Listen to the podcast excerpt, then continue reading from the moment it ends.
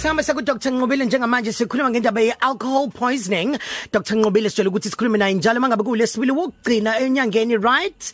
Yes, asimbikele Dr Nqobile samukele emsazweni cause FM. Hi Dr. Hi doc. Ngiyabingelela kuwena South Nosiyang ngibingelele kubalaleli. Dr Nqobile kungathi abantu bathi hayi sikhava iscore i lockdown isenze soma namanje kumele sibuthenge sibtoke eh futhi singena esikhathini sama holiday yona ndlela yokuthi sijabulise njengoba silimele emphefumulweni nasemqondweni siyazi isikalo kumele sisebenzise asiphuzeli ukuthi boze kuphele noma ukuze size siphoxe. Siyaphuza nje ngoba kusifanele. Uyaqhama uDr. Nqobile uzosivezela ukuthi contact to alcohol poisoning? Yes utshwala nje into engayisho kuningi ubungozi obuhambisana nabo. So thina siye sibuke isikali sotshwala ngoba omunye uyathi ene udokotela wazi ngani ukuthi ngiphuza ngokweqile. So umuntu wesifazane nje uma uphuza amaglasi otshwala angaphezulu ka8 evikini Dr Nqobile Oh 8 evikini. uyabaza abanye 8 classes a week nala. uyabaza abanye. Lo 8 ngos ngokweqile uxolo Dr Nqobile ngathi sinqamukelene. Em cela usiphindela nje ubusathini ngamaglasi awu8 bengithi kubantu besifazane umuntu wesifazane ophuza ngaphezulu kwamaglasi awu80 otshwala ngeviki thina sithi uphuza ngokweqile. Kanjalo kowesilisa amaglasi angaphezulu kuka 15 evikini sibuka ukuthi loyo muntu isikali sakhe sotshwala siphezulu. Yini edala umehluko? Mhlambe lingabuza ifeminist. Kowesilisa nowesifazane athi hayi nathi sicela lo 15 eh thina indlela esibuka ngayo ukwakheka komzimba wesilisa nowomuntu wesifazane eh sibuka lo mehluko ne metabolism lokho esipheqeleza metabolism noma indlela noma umfutho umzimba ogaya ngayo nama processes nje enzeka emzimbeni kunomehluko omkhulu kubuntu wesilisa nowesifazane. Ke kwenzekaleni makuthiwa nangoke lo muntu ne alcohol poisoning usibona kanjani? I alcohol poisoning loyo muntu isikhathi esiningi uthola ukuthi umuntu ophuze ngokweqile kungenzeka kuthiwa mhlawumbe umuntu ongabujwayele ngisho ubujwayele utshwala. Kodwa mhlambe leso sikhathi esifishane nje uthola ukuthi mhlambe uphuza ibhodlela lagologo lonke eyedwa ngenza isibonelo nje. Emva kalokho uthola usehluleko ukuphefumula. Omunye uthola ukuthi uqulekile ngisho simvusa akavuki. And kunobungozi ngisho bokuthi loyo muntu angashona ngisho ukushona ngoba ubuchopho bakhe busuke budakekile. Budragekile ngenye indlela. Engasakwazi ngisho ukukontrola ukuthi agwinye. So engenzeka ukuthi mhlambe ngesikhathi leso simo aphalaze aze achoke even as ephalaza ehluleka ukuphefumula njoba ngisho nje. Okusho ukuthi lento eba umkhuba kugcina igcina sekudlalwa kuthiwa hawu seflorile miyekeni into zakhe. Kanti yena kungenzeka kube usengcupheni yokufa? Yes kubaleke kakhulu loyo muntu ukuthi simphuthumise esibhedlela ukuze athole ama drip azozama ukudraina utshwala nazo ne medication nje ezomsiza ukuthi ukusebenza komzimba wakhe kubuyele kokujwayelekile. Dr Nqobile um Salbi here. Ngifuna ukwazi mina Dr Nqobile like ya uma ukhuluma indaba ngoba usiyayibuza ukuthi hayi nangu seflorile nani nani. Ngakusasa khona ke sikhulume lokhu ke ethi umuntu ngine hangover phecelezi yibhabhalazi. Kusuke ngekho alcohol poisoning khona lapha kungenzeka njoba ngisho nje ukuthi alcohol poisoning kukhona lokho esikubiza sithi phecelezi ngealcohol withdrawal lokho okushoyo wena self.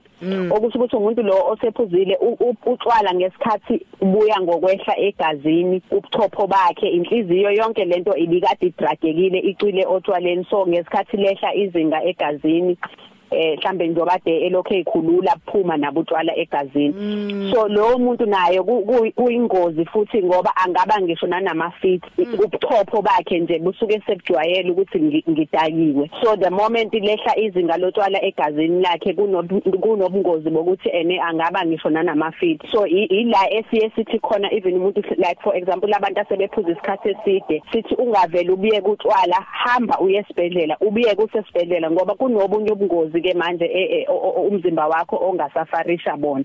Ibalekile lento ishoyo ngoba ngeke ngiyizwe komunye umuntu kuthiwa uthe udokotela ngingabiyeki. Uma ngabiyeka ngingafa.